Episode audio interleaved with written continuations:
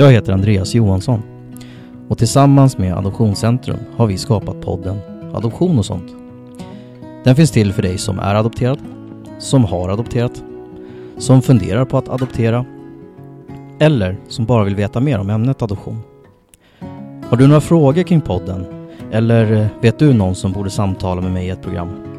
Maila oss på podd adoptionscentrum.se Hösten 2019 blev Anders och Erik föräldrar till en liten kille från Sydafrika. Idag lever familjen på Södermalm i Stockholm och i det här avsnittet har jag fått det stora nöjet att få ta del av deras resa till familjelycka. Varmt välkomna hit, Anders och Erik Neselius. Tackar, tackar. Tackar. Ja, berätta. Jag brukar alltid börja med att säga vem är, men nu blir det vilka är Anders och Erik? Ja, vi eh, ett par som har eh, bott tillsammans i, i 14 år och varit gifta i 11-12 år ungefär. Och som sagt, som du sa så har vi ju varit eh, föräldrar då i, i drygt fyra och ett halvt år. Just det. Det är den, den korta storyn. Ja. Ja. Och den, den långa storyn till exempel, nej men det, det är dit vi ska nu i alla fall. Ja. Eh, eran, er, eran bakgrund, ni kommer ju från helt olika, eh, helt olika världar. Och det är det som är lite spännande här tänker jag också, att vi dyker in på den.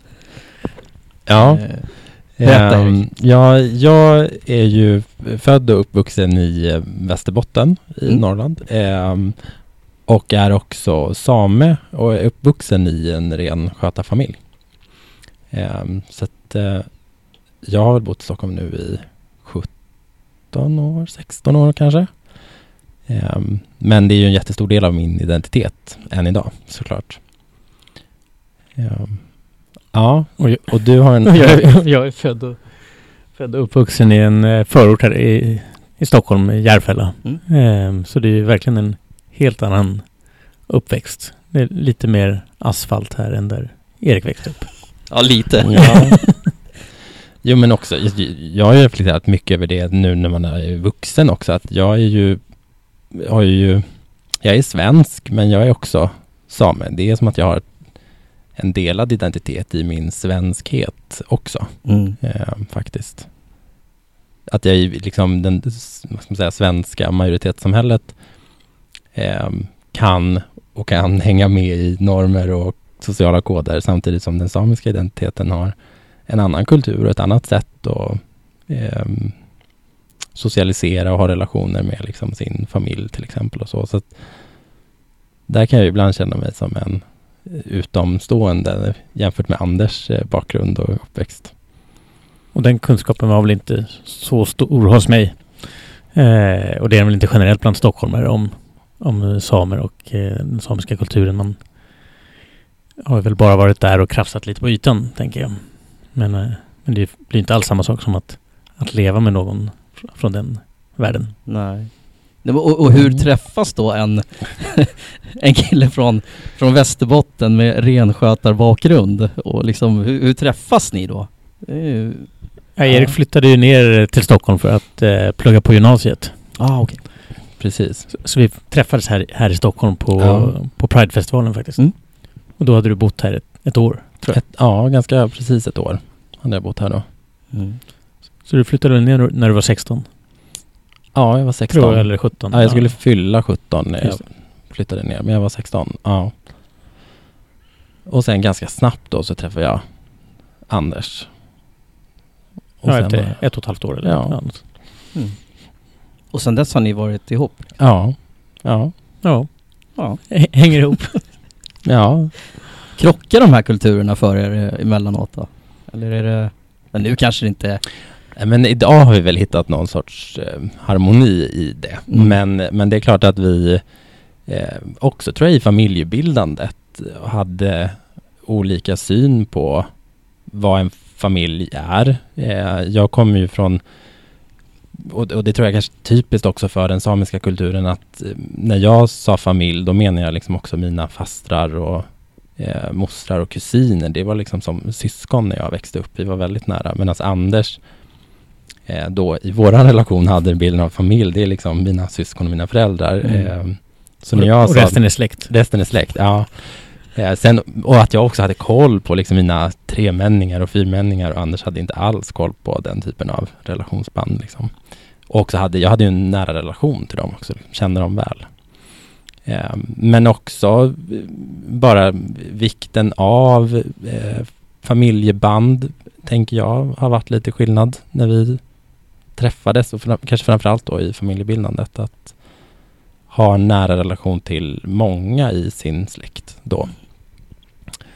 Eh, sen har ju det varit utmaningar för mig specifikt som bor här nu.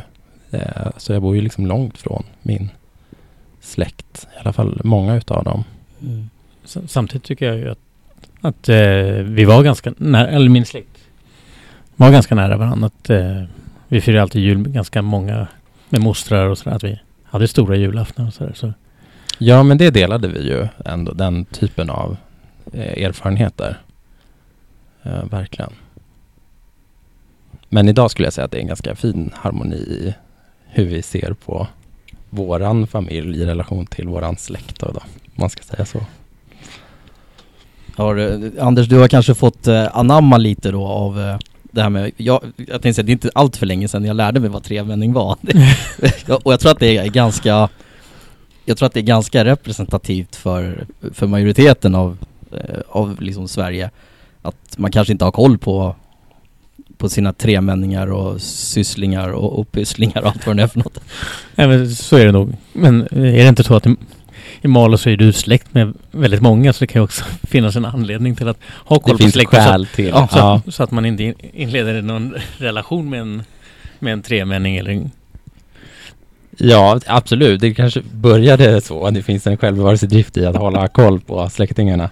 Men sen finns det också en stolthet i att det här är min fyrmänning, femmänning som man då säger, där jag kommer ifrån.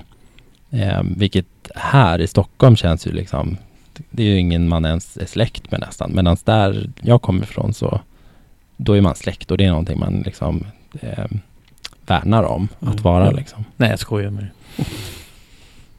Och det, den här, när det är så här många, hur gör man liksom när det är när det är bröllop och liksom, alltså fester och sådär? Är det liksom som i som i andra länder och där man liksom måste bjuda alla och det är 600-700 pers som kommer eller hur? Ja, kanske inte 600-700 Nej, men absolut att det finns en absolut att det finns en sån förväntan att man ska bjuda eh, många eller liksom och att man också känner sig eh, förbisedd om man inte har blivit bjuden. Mm.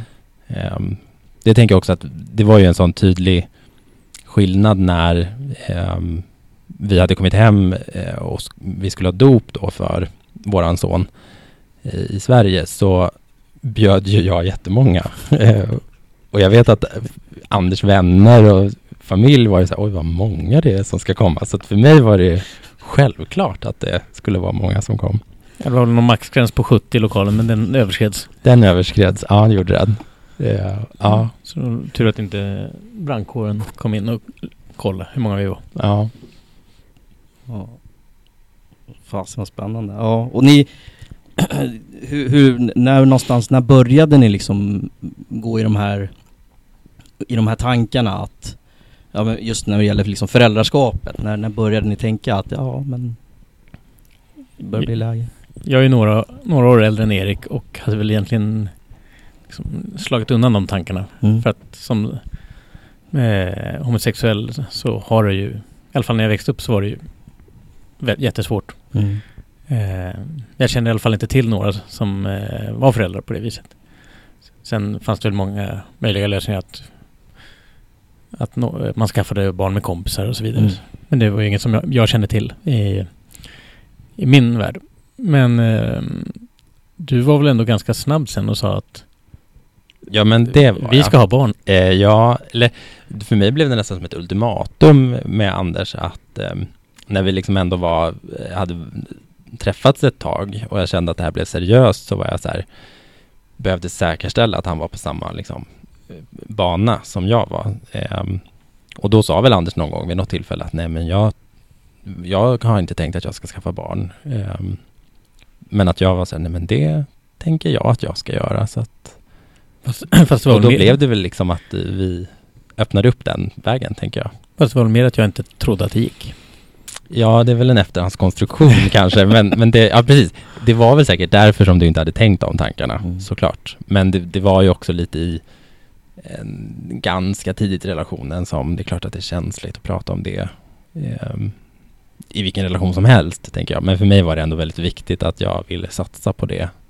Eh, jag hade det såklart framför mig, så att jag behövde säkerställa att Anders var på samma våglängd. Ehm, Annars, var, det- annars var det bara gå vidare. annars hade jag gått vidare. Nej, men Nej, men framförallt med, med tanke på liksom den, den bakgrunden då med, liksom, med stor släkt och allt Ja. sånt där, så det, det är väl fullt förståeligt. Ja, nej men det var viktigt. Eh, Jag har liksom alltid velat bli förälder Mm. tidigt och, och då är det såklart det är viktigt när man träffar en, en partner i livet att man saker som är viktiga behöver man liksom komma överens om. Så att, men så jag skulle säga tidigt i vår relation, kanske alltså första året, andra året, någonstans där Mm. började vi liksom prata om det på ett seriöst plan. Mm. Ehm, och då var ju andra sidan, jag var ju den som då bara sa att ja, vi, jag vill att vi skaffar barn och eh, men hade ju inget hur då. Eh, men det var ju något som Anders då istället tog reda på, ska man säga så? Liksom Mm. Läste på, vilka liksom, möjligheter har vi? Och hur gör vi? Det var i alla fall det var inga samkönade par som hade adopterat interna- internationellt. Jag vet inte om någon kanske hade gjort det nationellt men... Okej, Jag det tror- är så pass. Mm. Utan vi blev ju egentligen... Ja, när vi ställde oss i kö sen så småningom så var ju vi de första som ställde oss i kö överhuvudtaget. Och, och både, både kommunen och viss mån andra sa ju att chanserna var väldigt små. Just för Mm. att det inte hade hänt förut. Just det. Vad, vad ansåg de var liksom själva motståndet? Skulle det vara liksom i Sverige på kommunal nivå eller var det liksom, eh, pratar man ursprungsländerna? Att, Nej men jag, eh, dels så tror jag väl att eh, det var väl att precis lagstiftningen ändrades också. Var det inte äktenskaps... Det blev könsneutrala äktenskap. Ja, vi fick lov att gifta oss. ehm, ja, vi gifte oss ju 2011 och man fick väl det från 2009 eller något sånt där. Ja, men sen, men precis. sen, Och då var det första gången som man testade att, för det hade väl varit det som hade varit hindret rent juridiskt tidigare, att eh, man skulle ju varit i ett äktenskap och då räknades ju samkönade bort för att det var, fanns partnerskap innan dess. Ehm, så jag tror att det egentligen var en okunskap som också var befogad, för det var ju inte testat liksom juridiskt mot kommunal, liksom på kommunal nivå. Um, men sen var det så, alltså jag kommer ihåg vårt första, vår första kontakt med kommunen var ju eh, att vi direkt blev så här, nej men vi tycker att ni ska gå på den här familjehems eh, infoträffen och att det var den vägen som de tyckte att vi kunde bli familj på. Eh, I liksom all välmening då, men, men att vi ändå stod på så att nej men vi vill adoptera.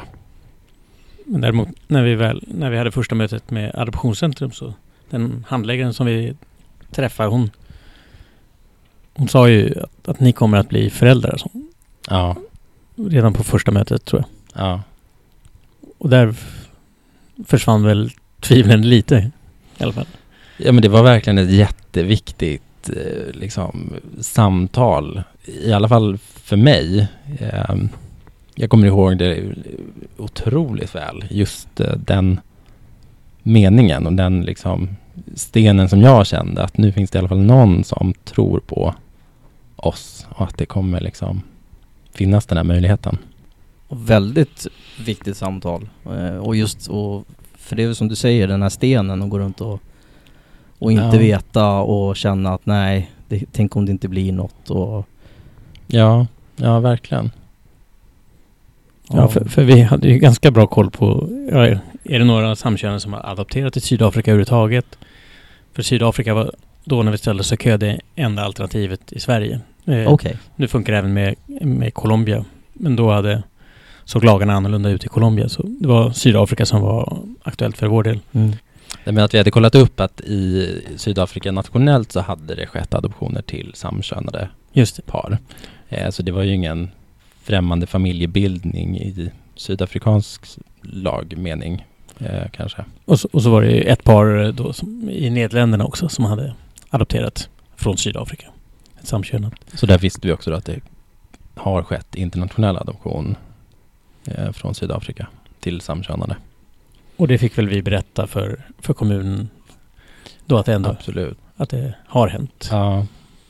Och det är klart att det vägde också någonting att eh, Adoptionscentrum hade gett oss, att vi hade haft det här samtalet och att kommunen då vågade gå vidare med att vi skulle göra den här utredningen. Eh, de var jättefina på kommunen, jag ska inte säga att det var liksom något negativt så. Det var mer att de kanske också inte ville att vi skulle få för höga förhoppningar om Mm. eh, internationell adoption därifrån. Ja, ja, det har ju alltid varit st- stöttande från kommunen. Ja, absolut. Mm. Det har det. Och nyfikna och så. Men då är ni ju liksom, då är ju ni lite pionjärer ändå i, liksom om man tittar från, från, från svenskt håll. För då Ja, ja. förstår jag ändå som att ni... Vi var ju de första som eh, blev färdiga för en internationell, internationell adoption för ACs sida. Sen var inte vi det första paret, samkönade paret som eh, genomförde en eh, internationell adoption. Vi blev det andra paret, tror jag. Ja, okej. Ehm, men ja, absolut. Ehm, och det är ju också intressant att man egentligen inte, eller jag i alla fall, reflekterade ju inte över det då. eh, att vi var först. Eh, det enda som man reflekterade över var att vi fick eh, utbilda andra Mm. inom hur det ser ut lagligt och vilka liksom, rättigheter vi har. Ehm, även på föräldrautbildningen som vi gick i samband med utredningen så var ju vi ehm, då var det faktiskt två stycken samkönade par. Det var vi och ett eh, samkönat par till.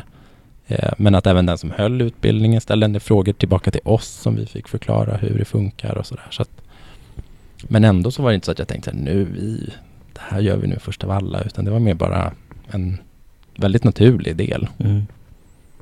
Och vad, en sån här föräldrautbildning, så vad, vad innebär liksom en, en sån för när man ska bli förälder och vad innebär själva utbildningen?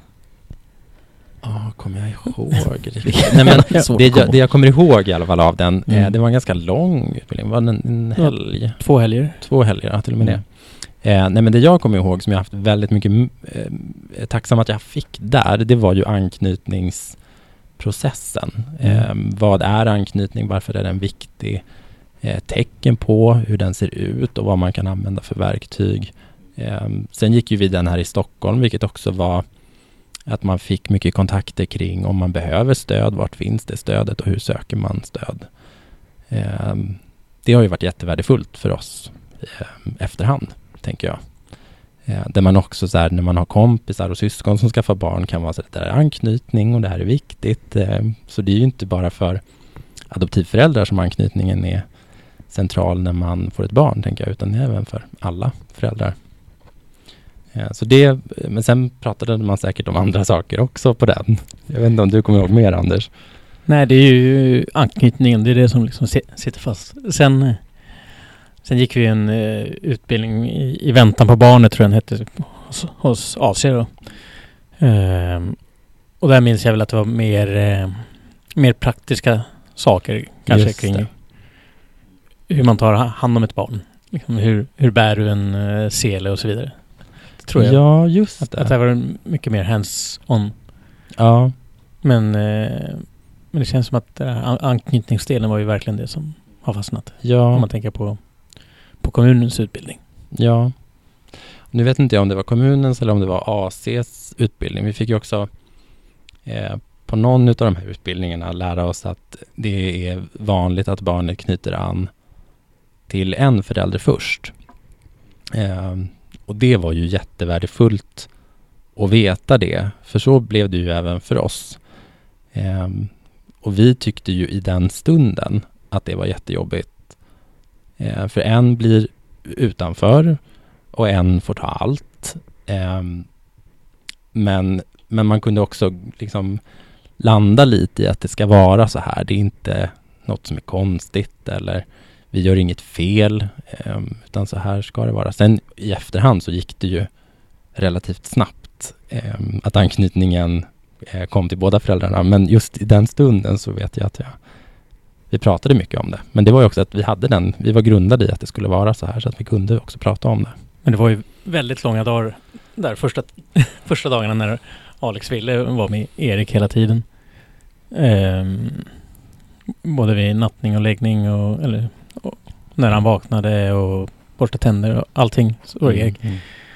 Eh, så det kändes ju som en evighet. Men sen nu när vi tittar, tittar tillbaks i, i dagböckerna som vi skrev så handlade det väl om tre, fyra dagar. Okej. så det var ju inte så lång tid. Eh, vi har hört om andra par där det har tagit mycket längre tid. Mm. Eh, men de där tre, fyra dagarna var jobbiga. Och de känns väl kanske väldigt långa om inte annat. Ja, Verkligen. verkligen. Så vi gjorde ju så att du låtsades lite och sova.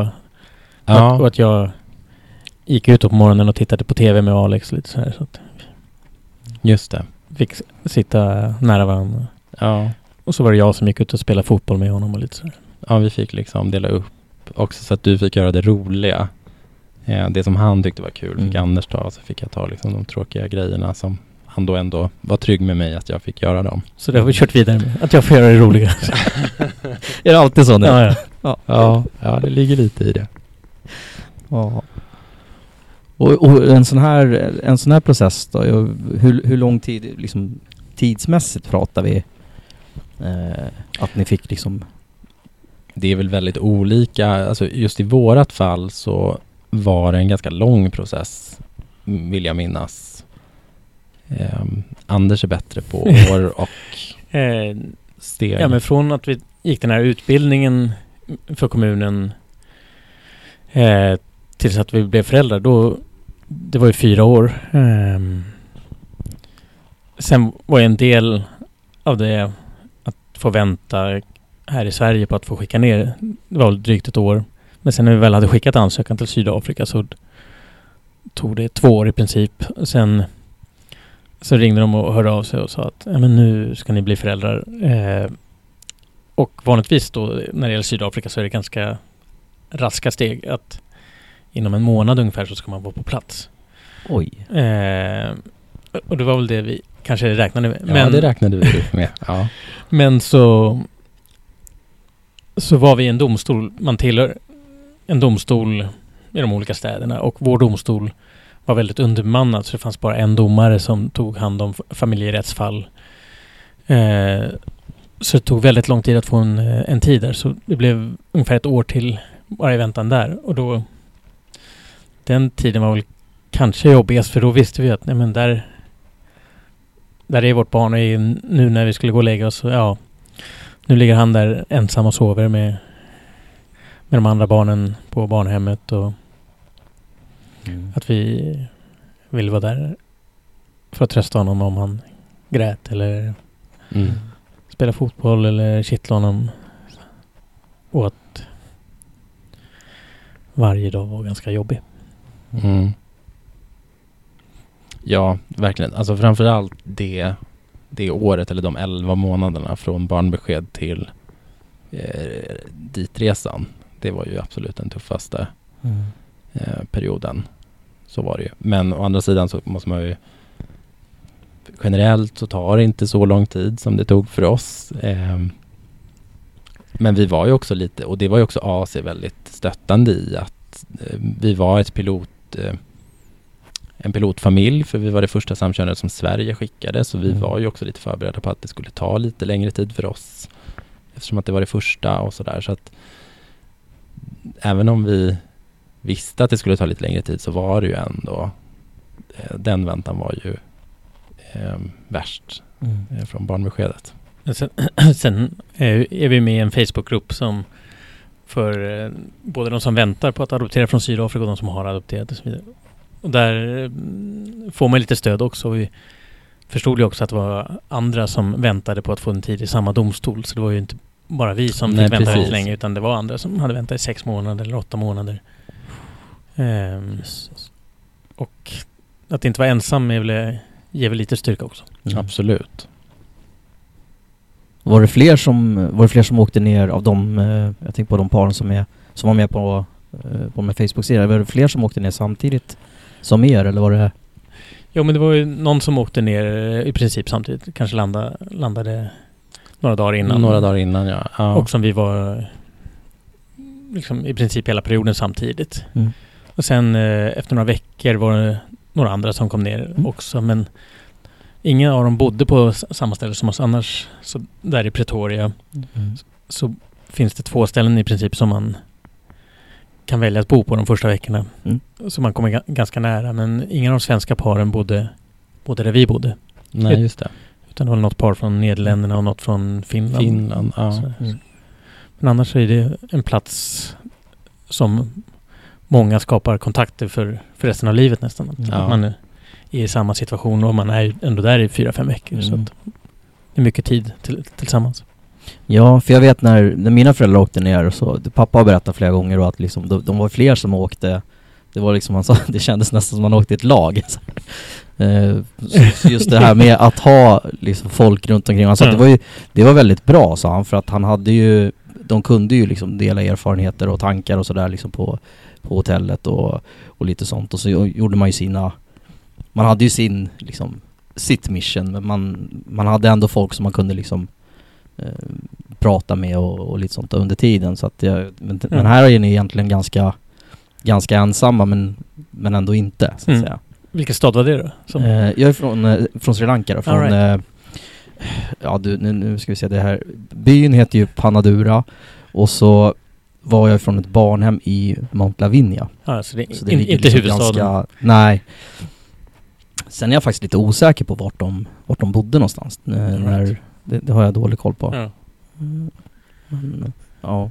Men jag kommer ihåg, han har berättat det där just att de hade, det var ganska skönt ibland att ha eh, att ha folk i, i närheten just när de hade lite eh, tankar och funderingar och, och dela erfarenheter och sådär. Var det från Sverige då också eller från andra länder? Eh, han har bara pratat om Sverige, det var säkert från Ja. andra länder också men han, han, nämnde, han nämnde Sverige specifikt då liksom så här, ja. Och så vet jag att de hade kontakt med eh, ett eller två par efter att de hade kommit hem också. Eh, så hade de liksom, ja, de träffades lite ibland och sådär. Sen vet jag inte, det där dog ut. ja. men de träffades ett tag i alla fall. Eh, Men hur, jag, jag tänker ju så här, alltså sitta på planet då och veta att nu ska vi ner och, och bli föräldrar. Alltså hur, hur är en sån flygresa? Det måste ju varit helt galet. Ja, det var helt galet. Verkligen. Och, men också att vi så här, på något sätt hade någon sorts närvaro i att vi vet ingenting. Och vi kan typ inte föreställa oss hur det kommer bli. Så det var ju också det som var så vi gick in i något så här oh, vad ska man säga, vakuum i att så här, nu händer det. Men vi vet inte vad som kommer hända. Mm. Ehm, Och att det här är den sista, sista lugna flygresan på, ja, på verkligen. några år kanske. Ja. Så är det nog. Men det var ju, alltså det var så mycket fjärilar i magen och eh, man log ju liksom hela vägen. Det, var ju, det är ju en lång flygresa till eh, Sydafrika, men det kändes liksom inte ens.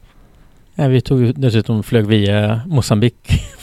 Ja, just det. Men det kanske var bra, för det var en sån här eh, extraordinär upplevelse när väskorna, förs- liksom vi skulle jaga väskorna, det var märkligt. Men det var så här skönt att kunna fokusera på att någon tog våra pass och sprang iväg och bara, nej men så här ska det väl inte gå till, men man tog sedan dit man kom och det var så här skönt att eh, då fick man fokusera på något så här verkligt på något sätt. Var, allt annat kändes så otroligt overkligt.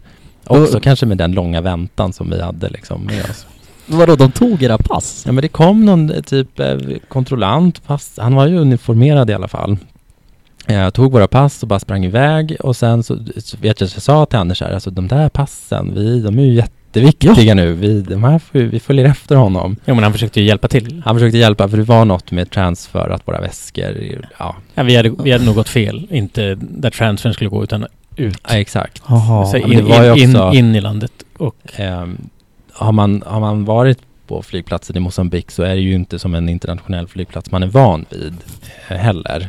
Eh, det var ju väldigt öppet, det var ju liksom inte man, man, tänker att en flygplats ska vara så här väggar och man får inte gå in och ut och det är Mm. eh, passkontroller. Där var det ju liksom, det kanske också är för grund av värmen, jag vet inte, men det var ju liksom öppet Man kunde ju gå in och ut. Den är ju väldigt liten också för att vara en hu huvudstadsflygplats. Den är Ja. ju mindre än Bromma ungefär. Ja. Jaha, okej, det är så. Så det är ju superliten flygplats. Nej, Så- så fick vi gå och peka på våra väskor och ta dem med oss. Och sen visade han vart vi skulle och så fick vi tillbaka våra pass typ vid flygplanet. Mm. Ja, nej, men det var ju, men för mig var det ändå så här, då kunde jag bli rädd och frustrerad och haka upp mig vid något som Mm. ändå var så här, det här kan jag, det här händer, det här liksom förstår jag ändå. Ehm, men sen var det ju, ja, det var ju jätteskakigt. Jag var ju jättenervös. Aldrig varit så nervös som när vi liksom kom fram till den här lägenheten då som vi skulle bo i. Ehm, vi hade transfer eh, från flygplatsen med, med en kille som var van att jobba just mot adoptivföräldrar så att han var ju väldigt så här peppig och berättade och så här kommer det vara och ingen, eh, alla känner olika och så det kändes väldigt tryggt och Mm. omhändertagande när vi kom dit vet jag att jag tänkte. Ja, han var ju verkligen fantastisk. Ja, Han verkligen kunde känna av vilken nivå ens nervositet låg på. ja, Eh, men vi kom, vi kom ju fram väldigt sent till, eh, till, eh, till Pretoria. Landade efter 22, s- som jag minns det någon gång. Eller vi kom i alla fall fram väldigt sent. Så, och solen går ner vid åtta där, sju, åtta hela tiden tror jag. År, året runt nästan i, okej. i Sydafrika. Så liksom bilden man fick när man rullade in i Pretoria. Man, när man kommer till en stad i mörker så har man ingen aning om hur det ser ut. Och sen när du vaknar upp dagen efter med alla människor ute på gatorna så är det en helt annan känsla. När ni väl har, har kommit dit, även om ni kom in sent eller semi-sent på kvällen, men var det, det var liksom dagen efter som ni skulle liksom påbörja hela... Eh, ja, så var det nog. Ja, eller när vi, Eh. när vi kom ner då hade vi... Till att börja... Vi landade nog på en tisdag eller sånt där. Och så var beskedet från början att på torsdag mm.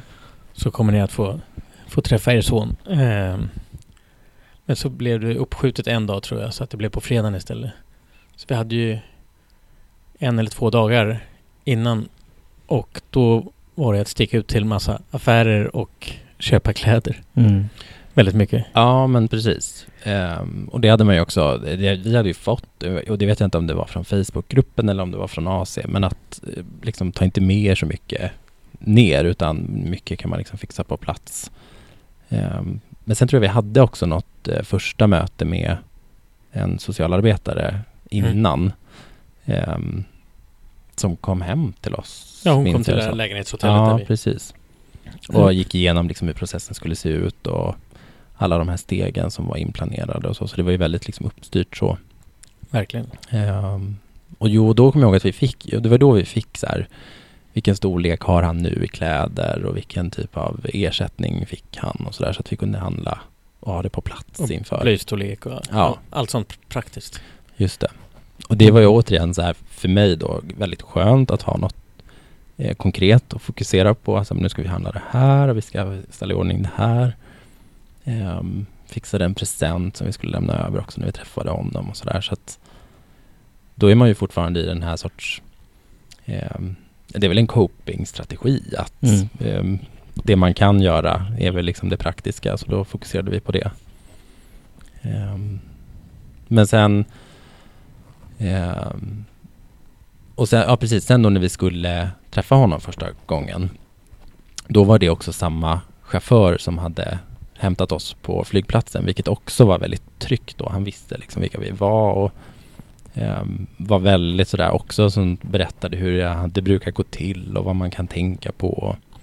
Ehm, var ju med hela tiden Mm. där Mm. också. Eh, Så han blev ju liksom mer än en chaufför. Han blev ju verkligen en, en vän under den tiden som också väldigt bra på att eh, vi märkte ju tidigt när vi kom att vi ville lära oss mer om landet och kulturen och han var ju väldigt duktig på att eh, vad ska man säga, visa och prata och berätta för oss eh, om, om Sydafrika och kulturen där. Ja, e- eftersom vi ju vill kunna dela med oss av det till Ja. Alex så småningom. Såklart. Eh, Vi gör det i- lite pö om pö så här. Vi har varit tillbaks en gång med Alex men vi landet har ju en sån eh, väldigt lång historia Mm. på olika sätt.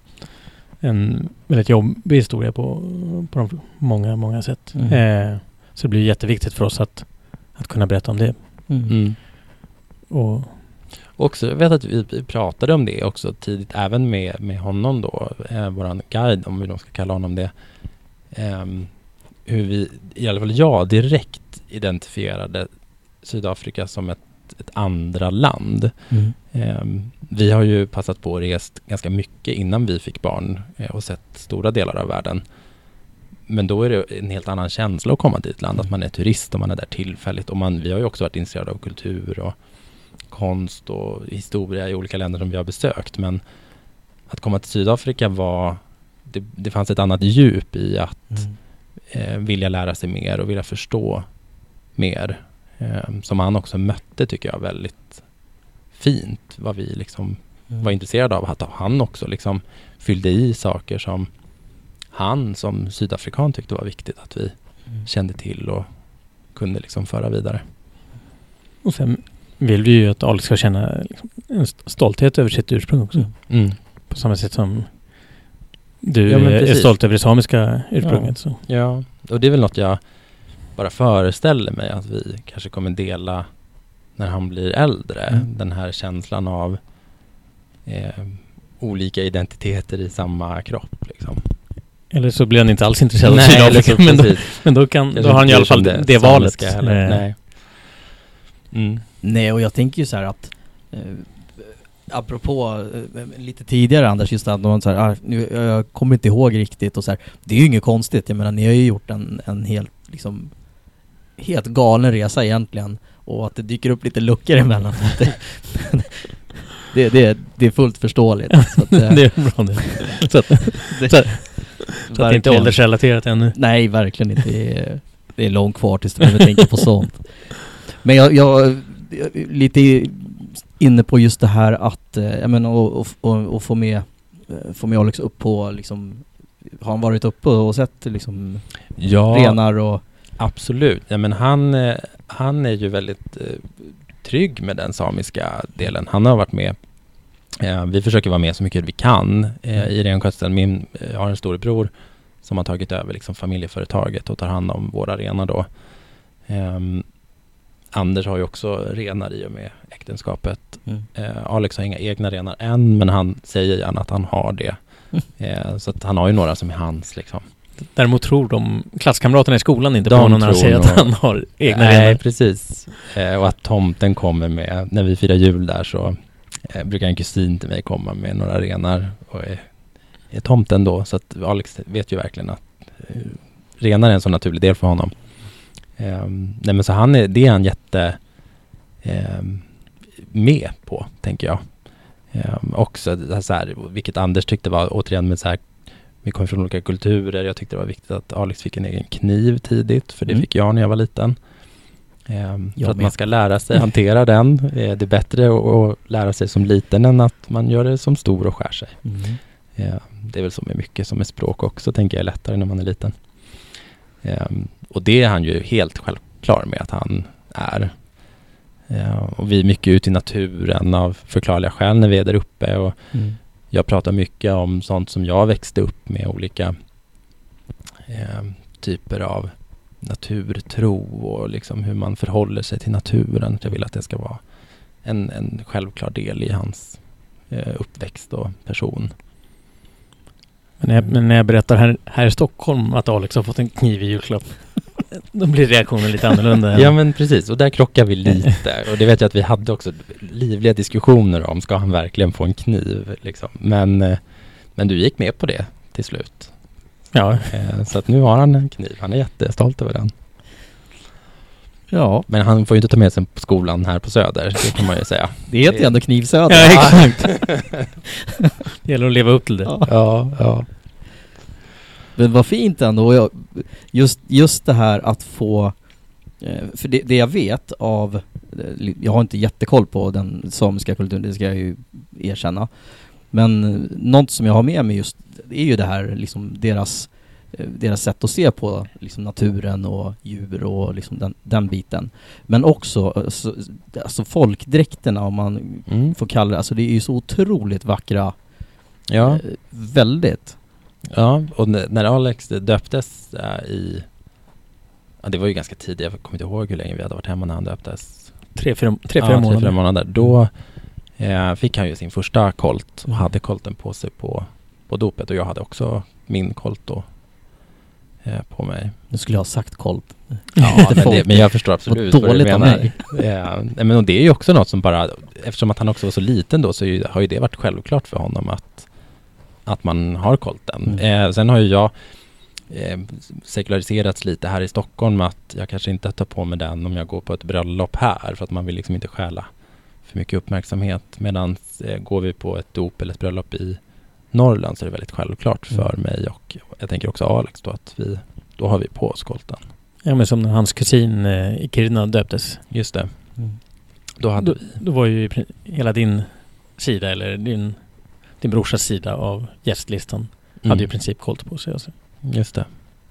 Och då hade ju Alex kolt och var Mm. liksom en självklar del i, i den gruppen Mm. då. Mm.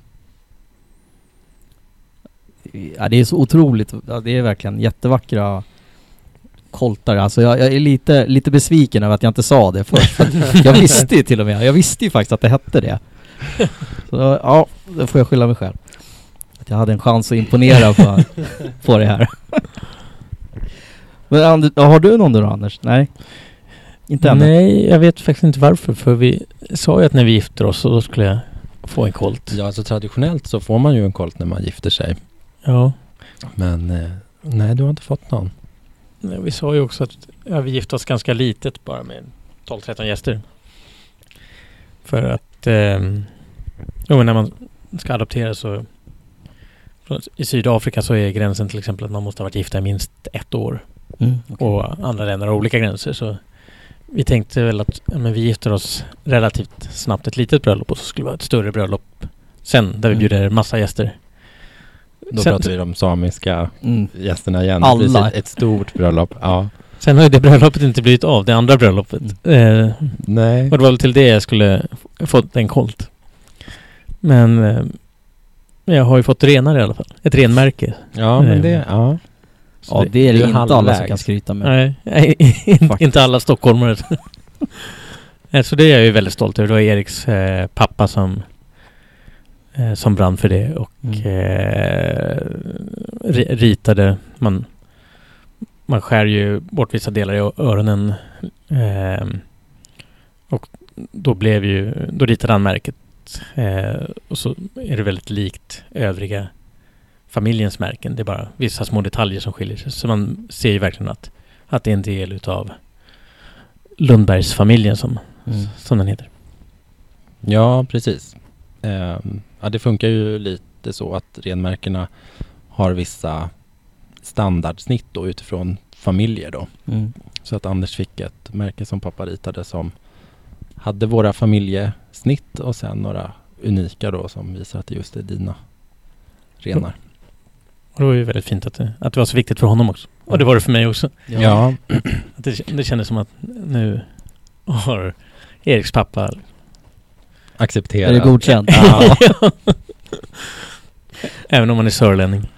Precis. ja, ja, verkligen. Ja. Nej, det, här, det här var helt eh, fantastiskt verkligen och jag är, jag är superglad att jag har fått, eh, fått möjlighet att få sitta och lyssna på, på det här. Och jag, vet, jag har säkert massor med, massor med fler frågor här nu men jag kommer inte jag kommer inte på, jag håller på att försöka bara processa allt det här som jag har liksom fått, eh, fått in nu. Det är det, det är så otroligt, eh, otroligt häftigt med eh, liksom hela eran, hela eran resa och vad, vad det faktiskt, vad det faktiskt blev av, av den så att säga. Ja, det, det är fantastiskt att vakna upp bredvid Alex varje, Ja. varje morgon. Ä- Även om han väl redan nu som sexåring är lite, lite som en tonåring och gärna so, sover en extra timme på morgonen. Så, Mm. Mm. så, så st- stannar man ändå alltid upp och bara eh, ja, tänk att vi är föräldrar. Mm. Eh, även i de jobbigaste stunderna när han Mm. inte alls är på humör så kan man se det fina i det. Mm. Att motsatsen till att, att han inte skulle varit jobbig. Att, att det bara hade varit jag och Erik hade ju inte varit så rolig. Nej. Nej, och han, han är ju, han, han sitter ju faktiskt här inne nu medan vi spelar in. Så det är ju, det är ju, ja, ett energiknippe. Ja, nu, nu är han lite lugn. Han har fått lite. Ja. lite varm choklad och bubbelvatten. En vinnare. Ja. Nej, otroligt kul. Eh, och jag, jag, jag tänker liksom att vi, vi, må, vi måste fortsätta och, och, och prata om, eh, om de här sakerna, men kanske vid ett, eh, vid ett senare tillfälle. Absolut. Det, Eh, det, det är svårt att klämma in ja, ett liv och en adoptionsprocess på... ja. Mm. Eh, och det, jag är otroligt tacksam för att ni, för att ni ville lyfta det här. Och framförallt just när det gäller eh, liksom föräldraperspektivet generellt. För att jag som adopterad kan ju kan ju sätta mig in i såklart hur, hur man som adopterad känner i, i vissa situationer. Men just att få, få höra eran sida då. Vad, vad går man igenom som, som förälder med liksom alla de här ja, men, utbildningar och känslor inför och under resans gång och ja, det, efteråt. Eh, jag antar att det, det sker en massa uppföljningar och man ska skriva eh, rapporter och så. Det är den tråkiga biten. Men sen har man den, den fantastiska biten och den, Mm. den roliga också. Mm. Eh, som man liksom får, får dela tillsammans. Ja, nu har jag nästan glömt, glömt bort det. Att, eh, man skriver dels... Eh, kommer ju kommunen hem och, och skriver rapporter Mm. Eh, Gör uppföljningar. för sin del och sen så skriver ju själva också eh, berättelser eller rapporter och skickar ner till, till Sydafrika. Och eh, i efterhand är ju det jättefint att ha för det blir som en sorts dag, dagbok Ja. eller årssammanfattning av utvecklingen varje år. Verkligen. Det är som är jättehärligt att ha. verkligen. I början så tyckte jag att så här, åh, nu är det dags för en rapport till och vad ska vi skriva nu? Och det kändes som ett ok som låg över en. Men sen blev det ju väldigt snabbt att man, det är också häftigt när man sammanfattar liksom. Mm. Ja, det här har hänt sen sist när man liksom läser. Uh, det är väldigt fint att ha den dokumentationen för, alltså också för sin egen del och att, att den också finns för Alex sen när Mm. han blir stor och kunna se hur var mina första år? Mm. Hur utvecklades jag? Och, Och- hur utvecklades vi som familj också Mm. tänker jag. Och efter, eftersom han bodde två år i Sydafrika så var det väldigt viktigt för oss också att, att de här rapporterna och papperna skickades till de han hade bott med där. Mm. Eh, så hoppas vi att de har kommit fram. Eh, men eftersom han har ju varit en så stor del av deras liv också. Ja. Mm. Två år är ganska lång tid. Ja, Ja. visst. Jag har ju fått ta- del av dem eh, som, som, jag, som mina föräldrar skrev. Ja. Det var ju, det var ju lite rolig läsning. Det, det ska jag säga. Det stod att jag var social och det stod att jag åt mycket. Så det, det är ungefär som Är nu. det någon som har hängt med? Det är som nu. nu. Ja. Jag är fortfarande glad i mat och, och hyfsat social i alla fall. Ja. Så att ja, nej men och det är, det är roligt för man Jag kände i alla fall att det var liksom, men det var ju mitt ursprung, det var mitt, eh, liksom min barndom, det, det fanns någonting att, Ja. eh, och liksom konkret kunna, kunna läsa. Sen att det stod hyfsat samma sak eh, Mm. varje, det, det gör mig inte så mycket. Det var kul att läsa igen. Liksom. Så att, eh, ja. det, det tycker jag absolut att, det, att det, det är en bra rutin som de har. Mm, verkligen. Det var så roligt när de beskrev Alex när vi kom ner till Sydafrika så sa de väl något i stil med att ja, ni kommer att märka honom. Liksom han, Ja, han... han, han, han syns och hörs Mm. ungefär var väl ja, sammanfattningen. precis. Och det gjorde han verkligen. Han liksom gick och pra, pratade med alla personer på stan. Och vä- väldigt, väldigt, väldigt social. Och det är han ju fortfarande. Ja. Och jag är ju inte alls på samma nivå. Men han, han drar mig till att bli social. Så jag har fått lära mig jättemycket av honom på det viset. Ja, oh ja, verkligen. Ja, han är ju jättefin på det sättet. Ja. Ofta i sociala sammanhang. Han håller på med mycket träningar och det är aktiviteter. Och att han liksom börjar med att säga till mig att du kan gå och prata med den här mamman. Eh, för ni står ensamma båda två, så kan jag gå och spela fotboll. Så att, det, är ju, det är ju en bra icebreaker liksom. Jaha, nu har vi blivit sammansatta här. eh, så det är ju jättehärligt, verkligen. Nej, han, är, han bidrar väldigt mycket i våra liv. Ja, det är väl det som är familjelyckan, Mm. tänker jag. Mm. Mm. Ja, verkligen. Ja. ja. Och, och med det sagt då så vill jag, vill jag tacka så jättemycket för att ni, för att ni tog er tid och även Alex. att eh, ni tog er tid att, att komma hit och, och dela med er av, av eh, hela eran Ja. resa. Tack själv. Ja, tack för att vi fick komma. Ja, otroligt givande.